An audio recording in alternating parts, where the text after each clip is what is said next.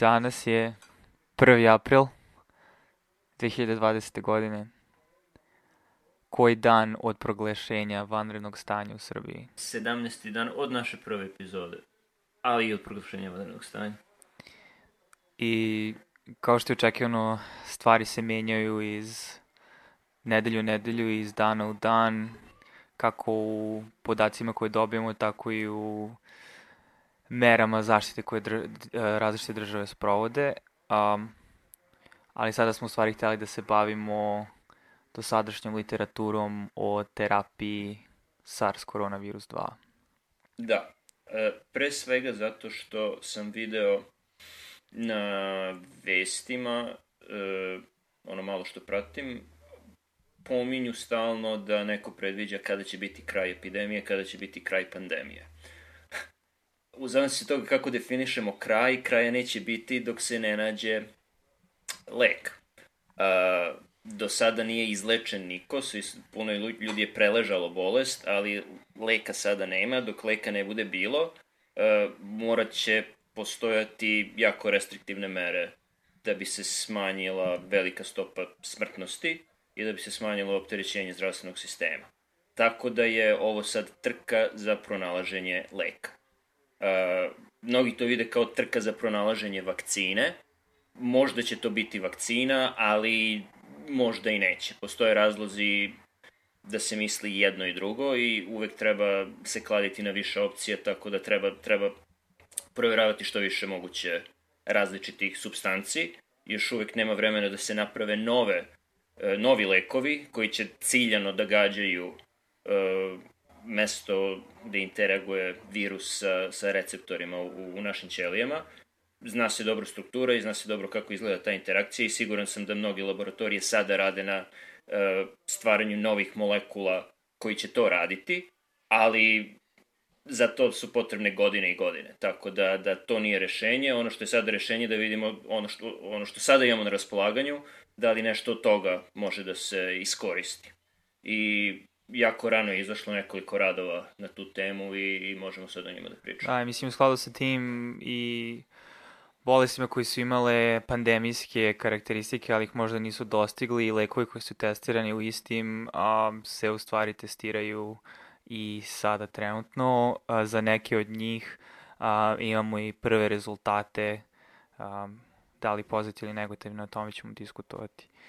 A, Da li hoćeš odmah da se oslonimo u stvari na a, verovatno lek koji je već dugo prisutan na tržištu i ima širok uh, opseg indikacija, a u isto vreme verovatno je došao i do a, građana Srbije kroz medije kao potencijalno delotvorno sredstvo, a zasniva se na zaista ograničenom kliničkom iskustvu i zaista ograničenoj prvenstveno studiji Um, mada je bilo još jedna iz Kine, ali ovo je prvenstveno iz Francuske. Da, hoćeš da pričaš o hlorokvinu i hidroksihlorokvinu, da. koji je antimalarik. Sada je većina plazmodijuma koji je e, organizam koji izaziva malariju je rezistentna na njega, ali se prvo koristio za to. E, sada se najviše koristi, do pre par nedelja najviše se koristio u reumatologiji.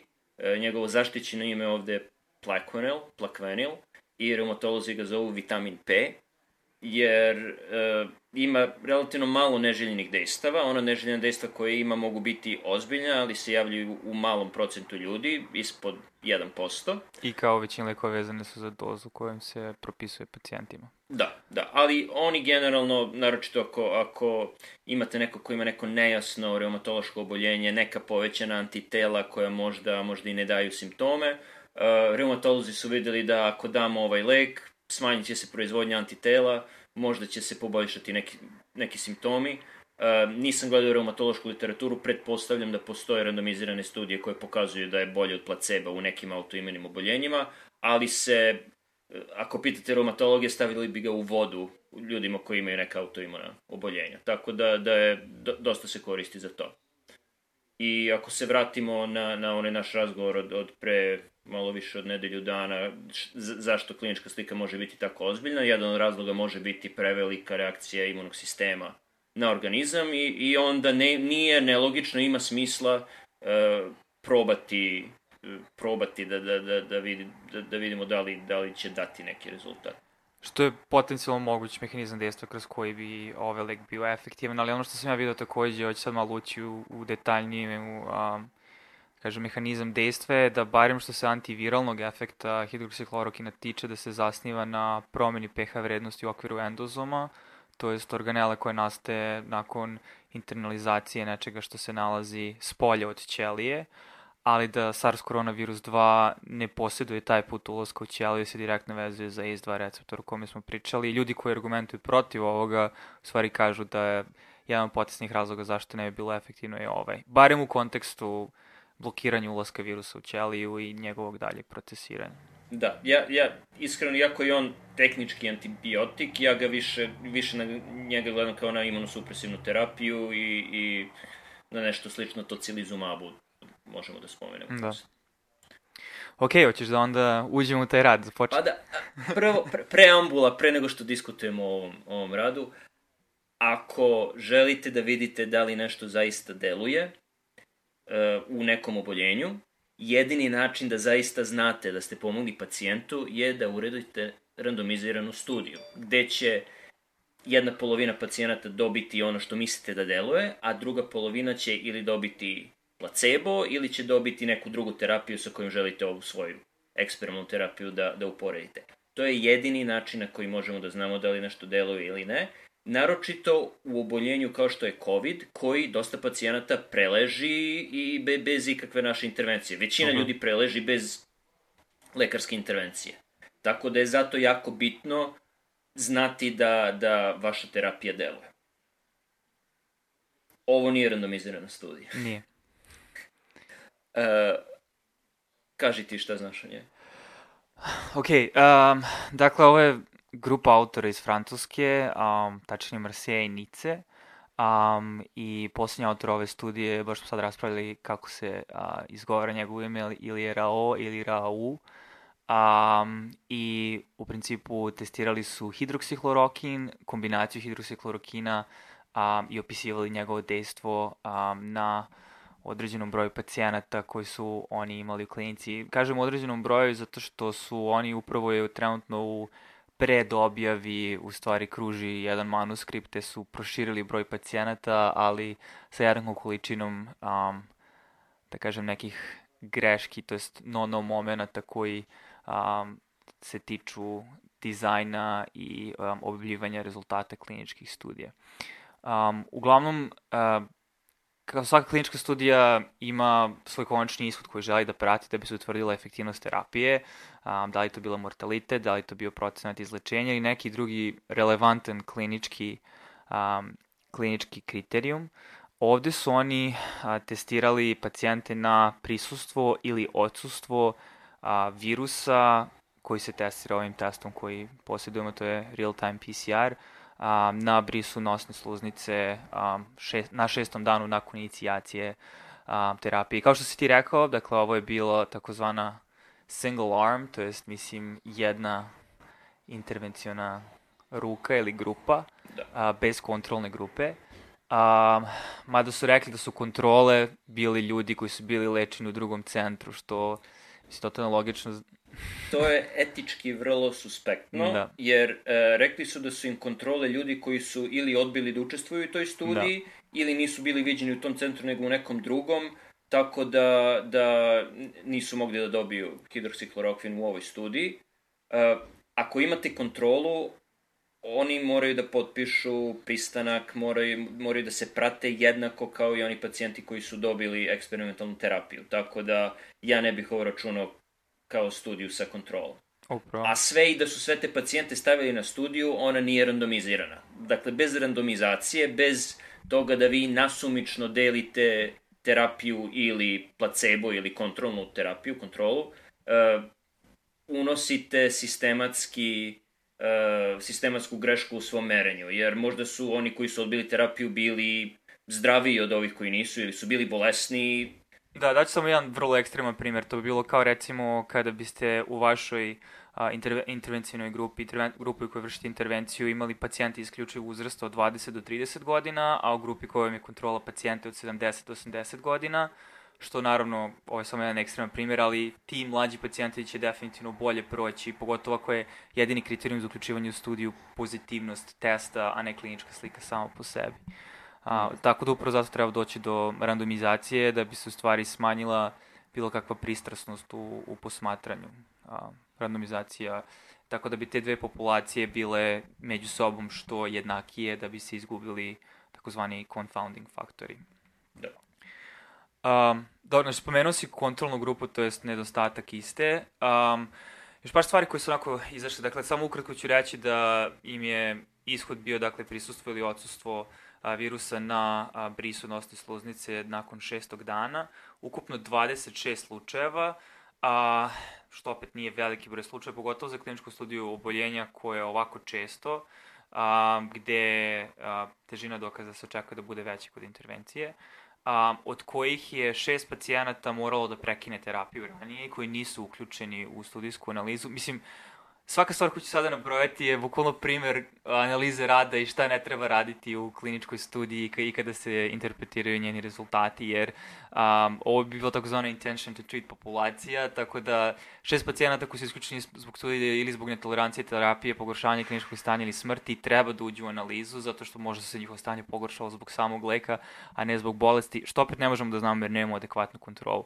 Da, ali, ali to je jedan pokazatelj neefikasnosti leka, jer ako da. ste vi dali dve doze i onda je pacijent završio na intenzivnoj nezi, ne možete reći, a nismo dali sve, tako da ne možemo da kažem da li lek deluje ili ne. Pa ne, u stvarnom životu vi ćete davati lek i takvim ljudima i morate ih uključiti u analizu.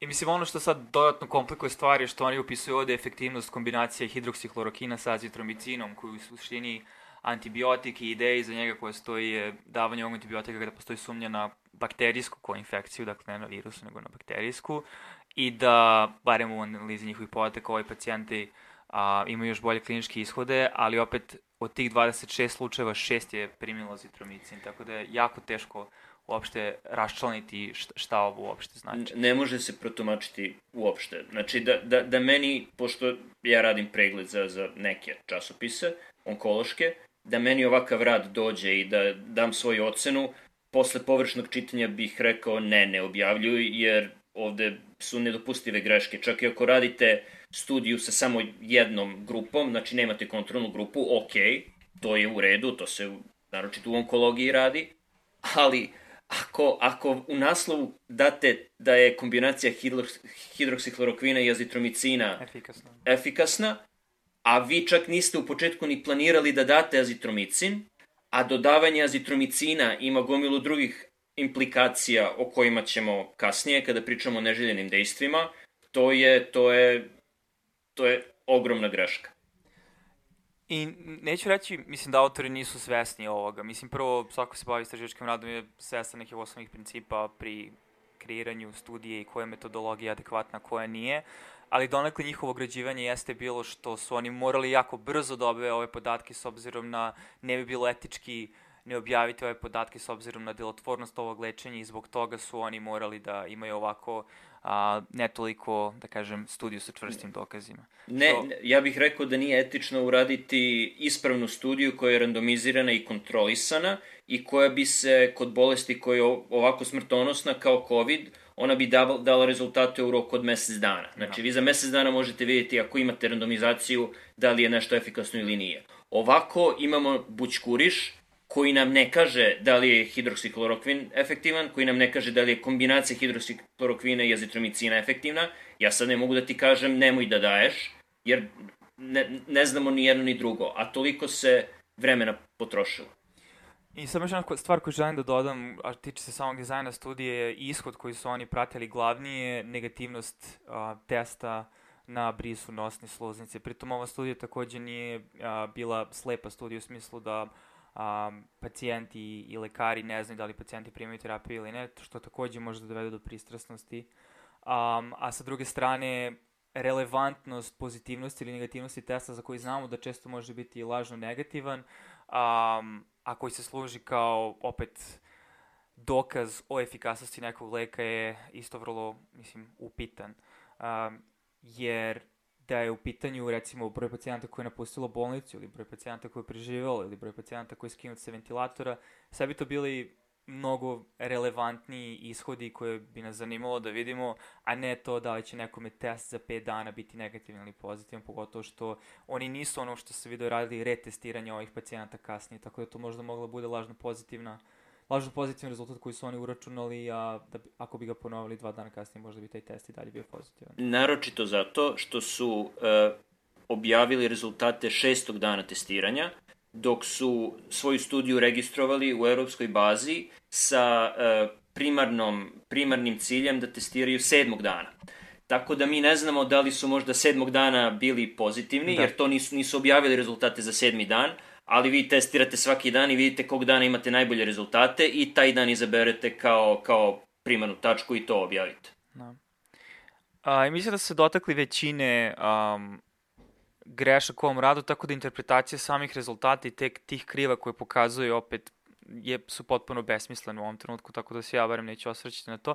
Ali želim samo da se osvrnem na a, širi kontekst svega ovoga, to je da koliko je dobro što živimo u digitalno povezanom svetu gde se informacije brzo diseminuju, pogotovo kroz socijalne mreže, a, toliko je ovo gledalo koliko to može biti loše i kobno, zato što ovakve studije mogu biti a, dalje preuzete od strane medije ili uticajnih pojedinaca i gurane kroz a, mislim, kanale, da li socijalnih mreža ili medija, kao potencijalni lek, izlečenje, pogotovo ljudima kojima je to u interesu, pogotovo ljudima koji interesu da što, što pre prekinu mere da bi se ekonomija, ekonomija zemalja oporavile.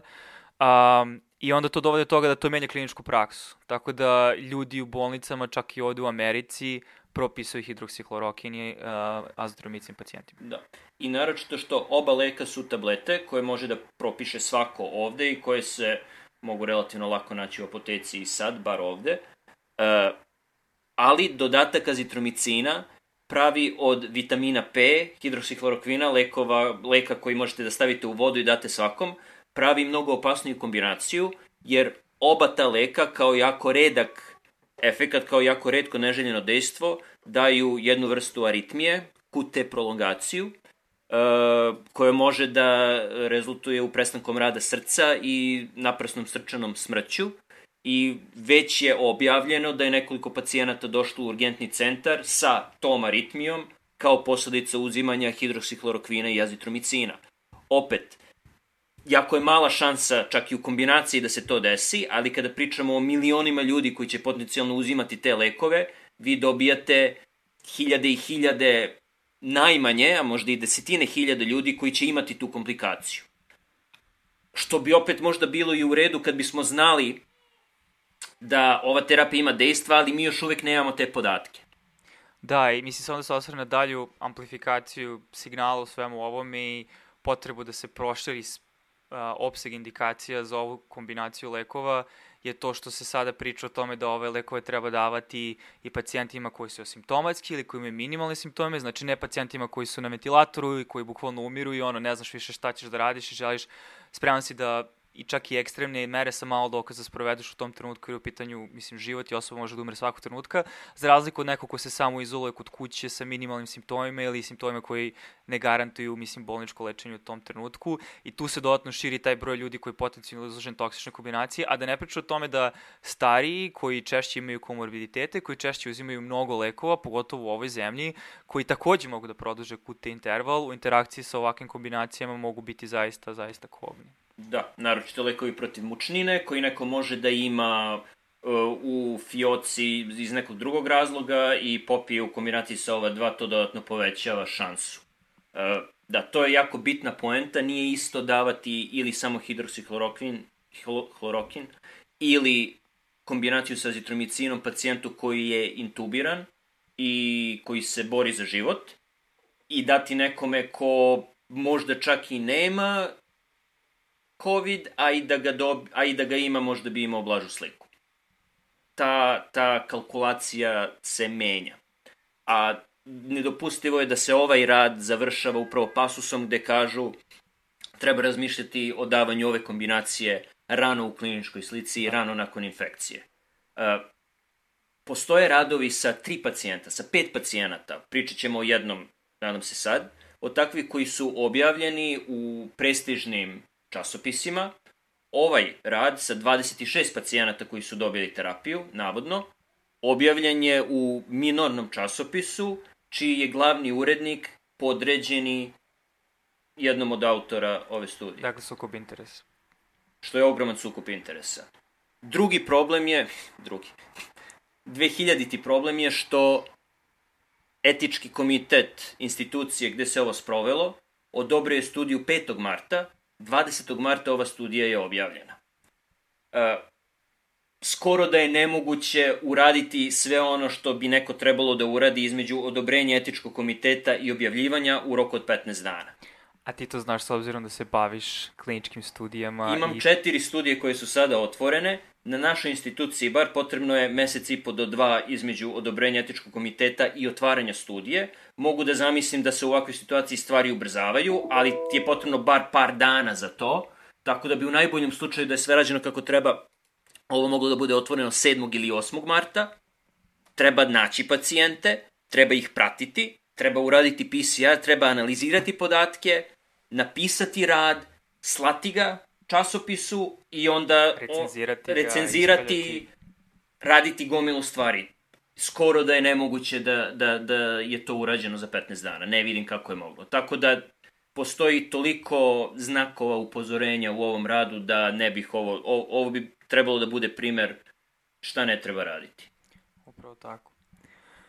A sada kada pričamo, mislim, o studijama koje imaju potencijalno a, veću težinu, a, mislim, koje imaju veću težinu dokaza i koje možemo da koristimo a, za interpretaciju onoga, to je koje možemo da interpretiramo u kontekstu kliničke prakse, a, su takođe izašle.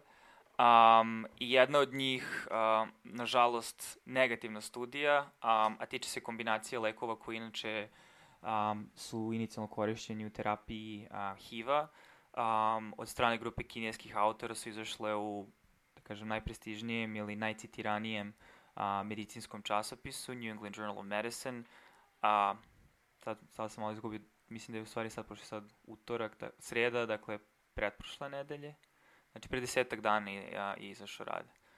Da li hoćeš nešto više da kažeš o ovom radu? Uh, ovo je, dakle, prvo lopinarvir i ritonavir E, koristili su se u eboli, u SARS-u, u MERS-u, znači u različitim e, drugim opasnim infekcijama i nije bilo nije bilo randomiziranih studija u ovim bolestima, jer opasnost od tih bolesti nikada nije bila toliko velika da kompanije žele da urade randomizirane studije i da žele da je finansiraju, ali su neki preliminarni rezultati u nekontrolisanim studijama davali obećavajuće rezultate. I ako gledate stvari na polici koje već postoje, ne izmišljamo lekove, ovo je sasvim razumna kombinacija za testiranje. E, za razliku od e, prethodne studije, ova jeste bila e, randomizirana i bila je, e, postojala je kontrolna grupa pacijenata koji, prema kojima je postupano identično kao i sa pacijentima u eksperimentalnoj grupi, sa tom razlikom što ovi nisu dobijali lopinavir i ritonavir. Um, I njih je bilo 99 u eksperimentalnoj grupi, 100 u, u neeksperimentalnoj. Uh, od ovih 99 samo je 94 u stvari primilo terapiju, ali je svih 99 analizirano kao da su je dobili, što je jedna opet od onih stvari koje su u prethodnoj studiji nisu radili. Uh, I kao primarnu primarnu stvar koju su gledali, videli su e, vreme do poboljšanja u stanju pacijenta, koje je mera koju ja nisam vidio, možda se više koristi u, u e, studijama iz intenzivne nege ili, ili e, infektivnih bolesti, ali pacijenti su dobijali skor, e, najmanji ako je sve bilo u redu bili su kući, mislim da je sedam ako su bili blizu smrti, Da, jako mi podsjetio na IKAG, to je ono što mi koristimo u onkologiji, da ocenimo klinički status pacijenta i da li može ili ne može da prima hemoterapiju. Da.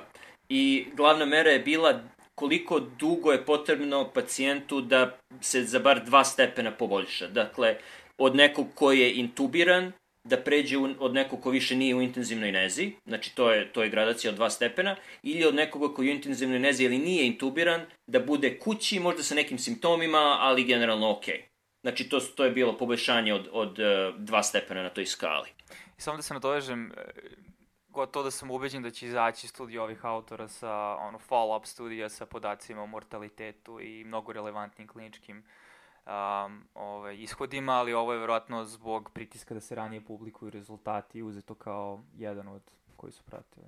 Da, i mislim da je to okej, okay, jer da. u stvari vi želite da čak i one koji prežive, želite da ne intubirate toliko ljudi ako je moguće, ili želite da ako neko intubiran bude otpušten kući što je brže moguće. Tako da mislim da je to neka razu, razumna mera. Mislim, mislim da je to u redu. E, nažalost, nije bilo neke, nije bilo razlike uopšte. Znači, jedna i, jednoj i drugoj grupi bilo je potrebno 16 dana do poboljšanja u skali, tako da su oni to proglasili negativnom studijom. E, nisu upisali onoliko pacijenata koliko su mislili u početku, ali se umeđu vremenu pojavio lek koji više obećava, Remdesivir, koji je testiran u eboli, nije uspeo, testiran je kasnije u SARS-u i u MERS-u i tu je pokazao bolje rezultate, tako da se sad, sada postoje randomizirane studije u više zemalja gde se on koristi. I ova grupa se prebacila na Remdesivir, što mislim da je bila ispravna odluka, ali su bar dali vredne podatke o tome da lopinavir i tonavir verovatno ne vredi pokušavati u, u, u COVID-u. Da, i mislim još jedna stvar koju želim da, da onako podvučem je da ova kombinacija jeste već duže vreme prisutna na tržištu, tako da i u pitanju je oralni lek, tako da davanje ovog leka administracija, da je studija pozicija ne bi bilo toliko komplikovani. Remdesivir koji više obećava sa druge strane lek koji je dalje u razvoju, te samim tim će biti mnogo skuplji ako se pokaže efektivnim i daje se isključivo intravenski, tako da pacijenti moraju da budu hospitalizovani um, ili bare mora da se organizuje dolazak na infuzije um, kako bi se ovaj lek davao, tako da to malo komplikuje stvari. Da, i još jedna stvar je da možda postoje razlike, uh, genetske razlike u tome kako različite populacije na zemlji uh, metabolišu lek, tako da ova studija sa lopinamirom i ritonavirom postoje i u Americi, postoje jedna randomizirana studija i u Evropi, u Velikoj Britaniji sigurno, mislim da je i, na, i, i u evropskoj studiji, tako da ćemo imati te rezultate i, i u, u drugim populacijama, ne samo, ne samo u Kini. Da, i mislim da čak i ovaj WHO što radi ovu ogromnu studiju Solidarity, da jedna od, da jedna interventnih ruka jeste kombinacija lopinavira i ritonavira, i s tim što imaju još jednu ruku da dodaju interferon beta kao imunomodulišući lek. Da. Ali kao primer zašto je bitno unapred reći e, šta merite i zašto je bitno imati kontrolnu grupu, e, je to da je jedna od stvari koje su gledali, nije bila primarna, ali jedna od stvari bilo je koliko dugo pacijenti ostanu na intenzivnoj nezi.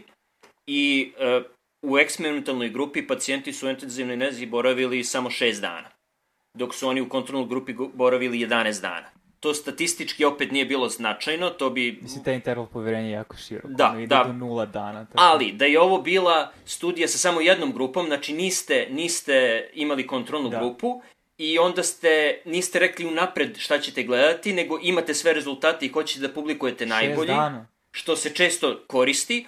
Ovo bi, ovo, mogli bi da kažu lopinavir, ritonavir, ako dobijete, pacijenti će ostati na intenzivnezi samo šest dana, koristite ga da ne biste toliko da, da ne bi ljudi toliko opterećivali intenzivnu negu. Da. Tako da mi je drago da postoje studija. da, da. I mislim, isto još jedna stvar, na pitanje na koja ova studija možda nije odgovorila, barem u, u kontekstu indikacije potencijalnog ovog leka, jeste ta da ovi pacijenti su bili zaista jako bolesni pacijenti.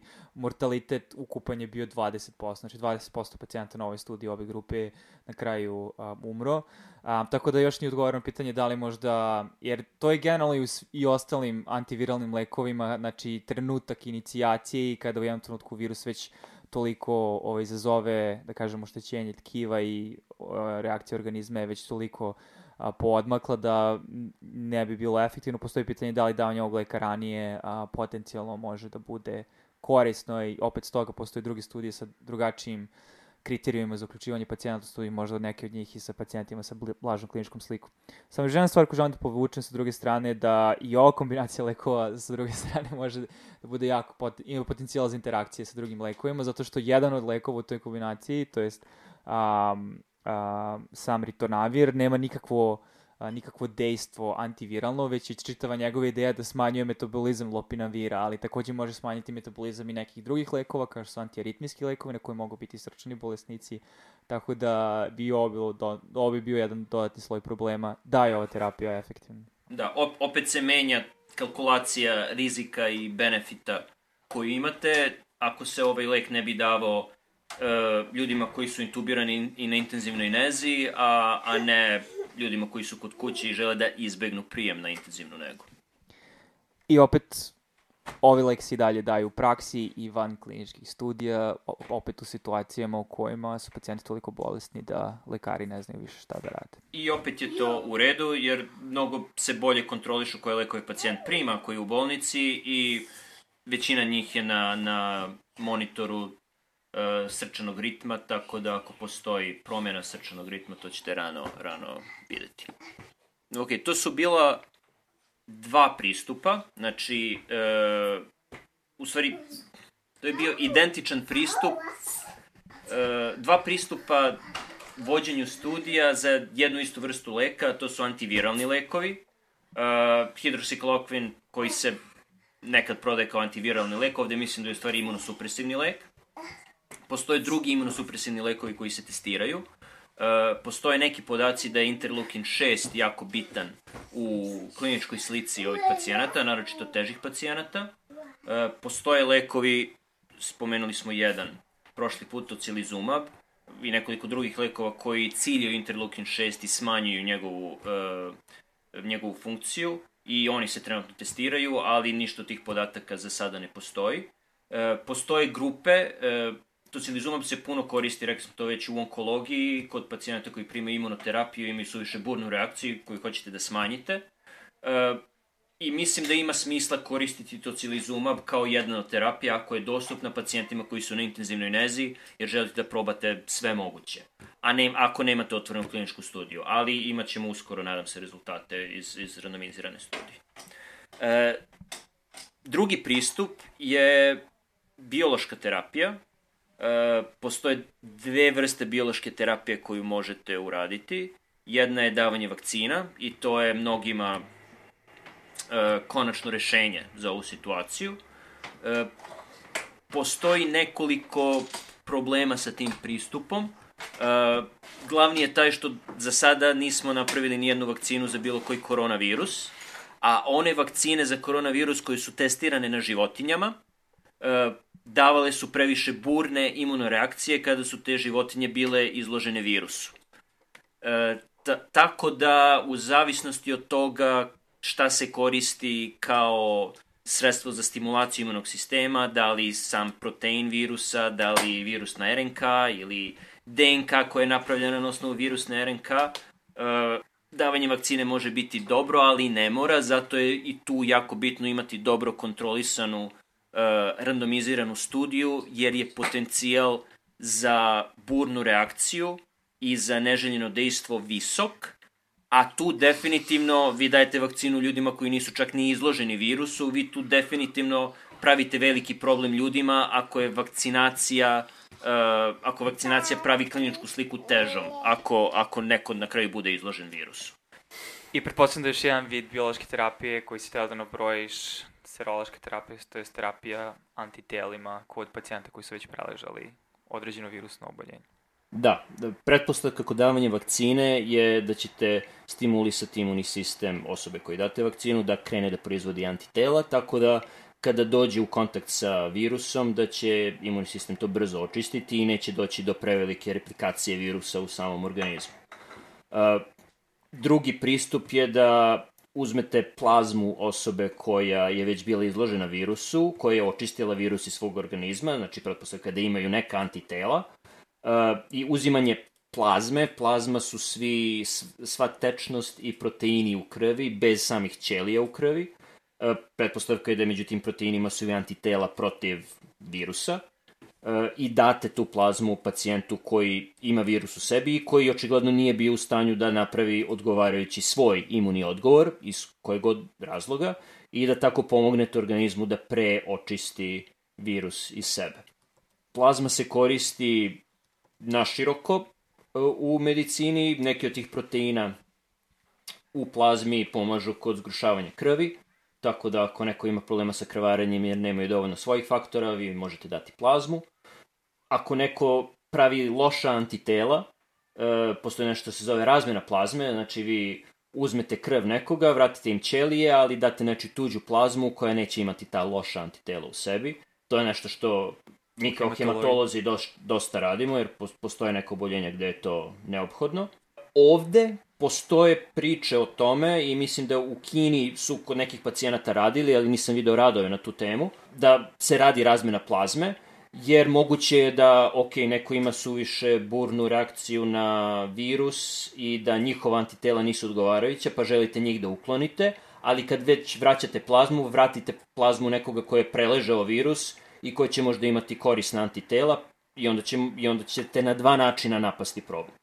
Što opet ima smisla, ali ima smisla uraditi u sklopu randomizirane studije i ta procedura nije ni malo naivna, pošto morate jednu jako veliku liniju vensku da, da stavite u pacijenta, uh, koji je, pretpostavka je nestabilan, pošto se nalazi na intenzivnoj nezi, uh, to ne treba raditi olako, ali to je jedna procedura koju treba staviti na spisak stvari koju apsolutno uh, nemogućim trenucima gde nemate više opcija, to je jedna od tih Dobro sam što, ako sam dobro razumeo, barem u ovom kontekstu, plazmofereza bi se radila kod donora, ali sa druge strane, a, plazma bi se samo davala kao infuzija bolesnim pacijentima. Da, studija koju ćemo sada pričati i pacijenti koji su ovde opisani u ovoj studiji u e, JAMI, koji je još jedan od prestižnih medicinskih časopisa, tu nisu uzimali, nije rađena razmena plazme, ono što je oboleli e, dobijao kao intervenciju je samo tuđa plazma, nisu uklanjali njegovu plazmu. I opet mislim da se sa idejom bilo to ne možda da treba ukloniti neka loša antitela koliko da treba dati antitela na virus, jer s obzirom da bolesnik nije bio u stanju da napravi svoje antitela i barem nedovoljno da ih napravi da bi se borio protiv um, samog virusa. Studija sama po sebi, nalik onoj prvoj studiji koju smo iskoristili, nije randomizirana, bila je na ograničenom broju pacijenata, tačnije na samo njih pet, ali ima neke zanimljive a, rezultate koji dalje, što bi se reklo, su hip, generišu dalje hipoteze, to jest iz ovoga bi trebalo da sledi jedna dobro dizajnirana, a, randomizirana klinička studija koji će nam onda reći da li a, postoji efikasnost. I mislim, čitav razlog zbog ovoga je zato što je, su po, postoje već dokazi, dokazi o efikasnosti a, kod, kod lečenja um, virusnih infekcija u određenoj meri, znači tokom ep, uh, epidemije SARS-a u Kini, uh, to jest u Hong Kongu je bila jedna studija gde su koristili um, takođe uh, svinskog gripa, um, a i na životinskim modelima kod uh, MERS-a. Dakle, studija sama po sebi je bila mala, uh, ograničen broj pacijenata, svi ovi pacijenti su imali ozbiljnu pneumoniju, uh, vrlo visoke, uh, visoku detektnu pozitivnost na PCR-u i takozvani visoki viral load, to je visoko opterećenje virusom, uprkos antivirusnoj terapiji, tako da bi postavljam da su ovi pacijenti dobili lopinavir i tonavir, možda čak i remdesivir. Imali su lošu oksigenaciju, dakle, nivo kiselnika u krevi bio loš, uh, ili su bili već intubirani, što je opet odraz um, loše oksigenacije. Donirana je plazma um, od strane ljudi koji su preležali. Imali su jedan deo koji se odnosio na preklinički moment gde su in vitro uh, pokazali efikasnost ovih uh, ovog, ove plazme, dakle donora na a, virusnim ćelijama, to jest na ćelijama inficiranim virusom u kulturi i onda su dakle te, taj produkt davali pacijentima u vidu dve transfuzije. Pacijenti među sobom naravno su bili različiti, zašto je samo pet pacijenata u pitanju, nije bila velika randomizirana studija, um, dakle da bilo, pacijenti su imali različite kliničke uh, slike i tokove, ali su svi bili vrlo bolesni.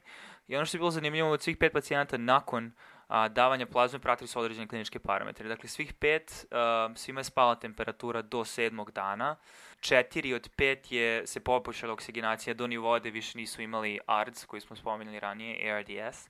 Takođe su im opali i različiti inflamatorni markeri koji se služimo u Srbiji, mislim široko poznat CRP koji naručuju svima svaki put kada odu kod lekara.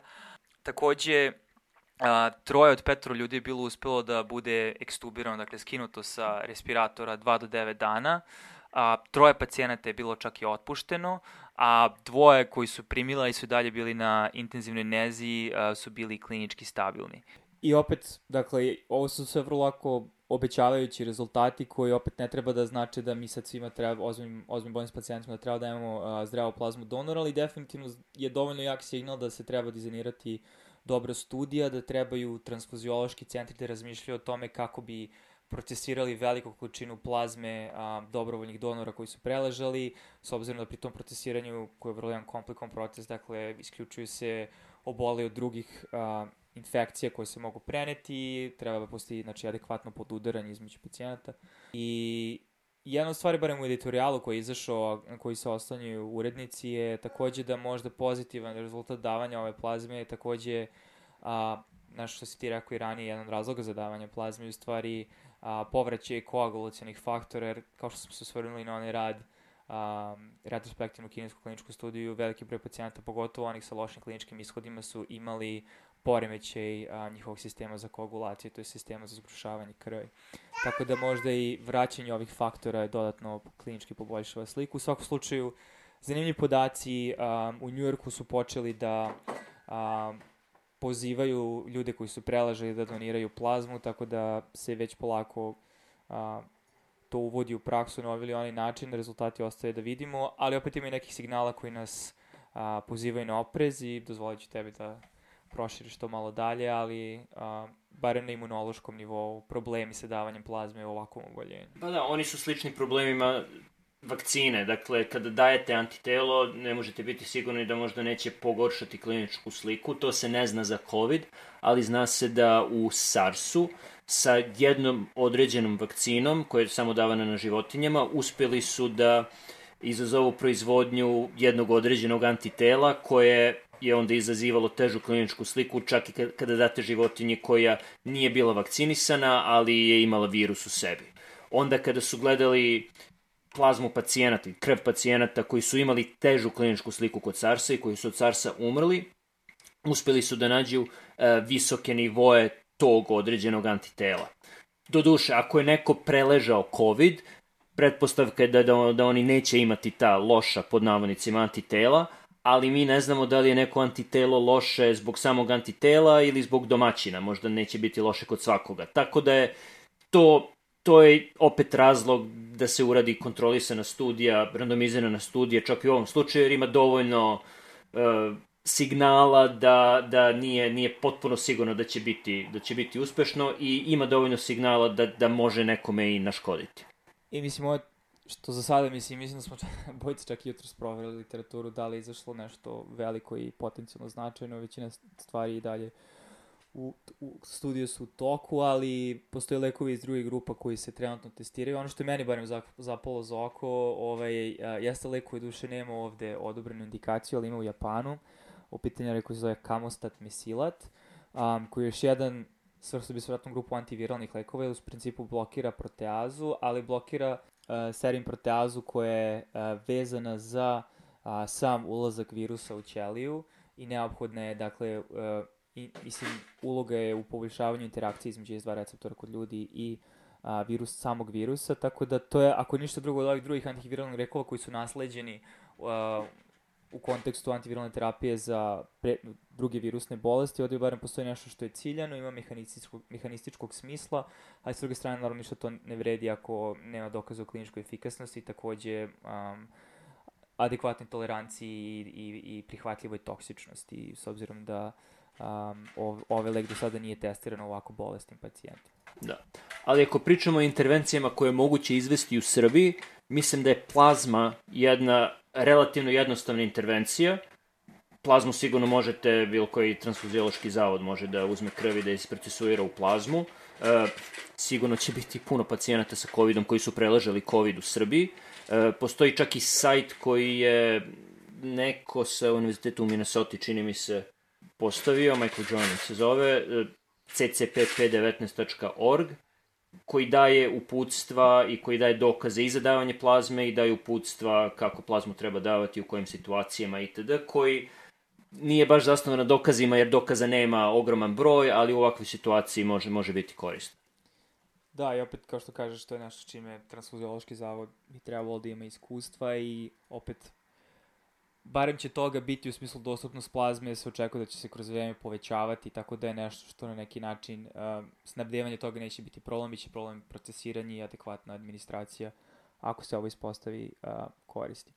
Možda još jedna stvar koju sam hteo da spomenem, a ne tiče se same terapije na virus, ali se tiče lekova koji se inače koriste u terapije koji potencijalno su relevantni uh, kod pacijenata sa COVID-om, um, pogotovo s obzirom na mehanizam, a to je vezivanje za receptor ACE2 koji je uključen u jedan sistem renin angiotenzin aldosteron sistem koji je relativno kompleksan sistem sa kaskadom reakcija i um, učestvuje u održavanju krvnog pritiska, resorpciji tečnosti, balansa elektrolita u telu.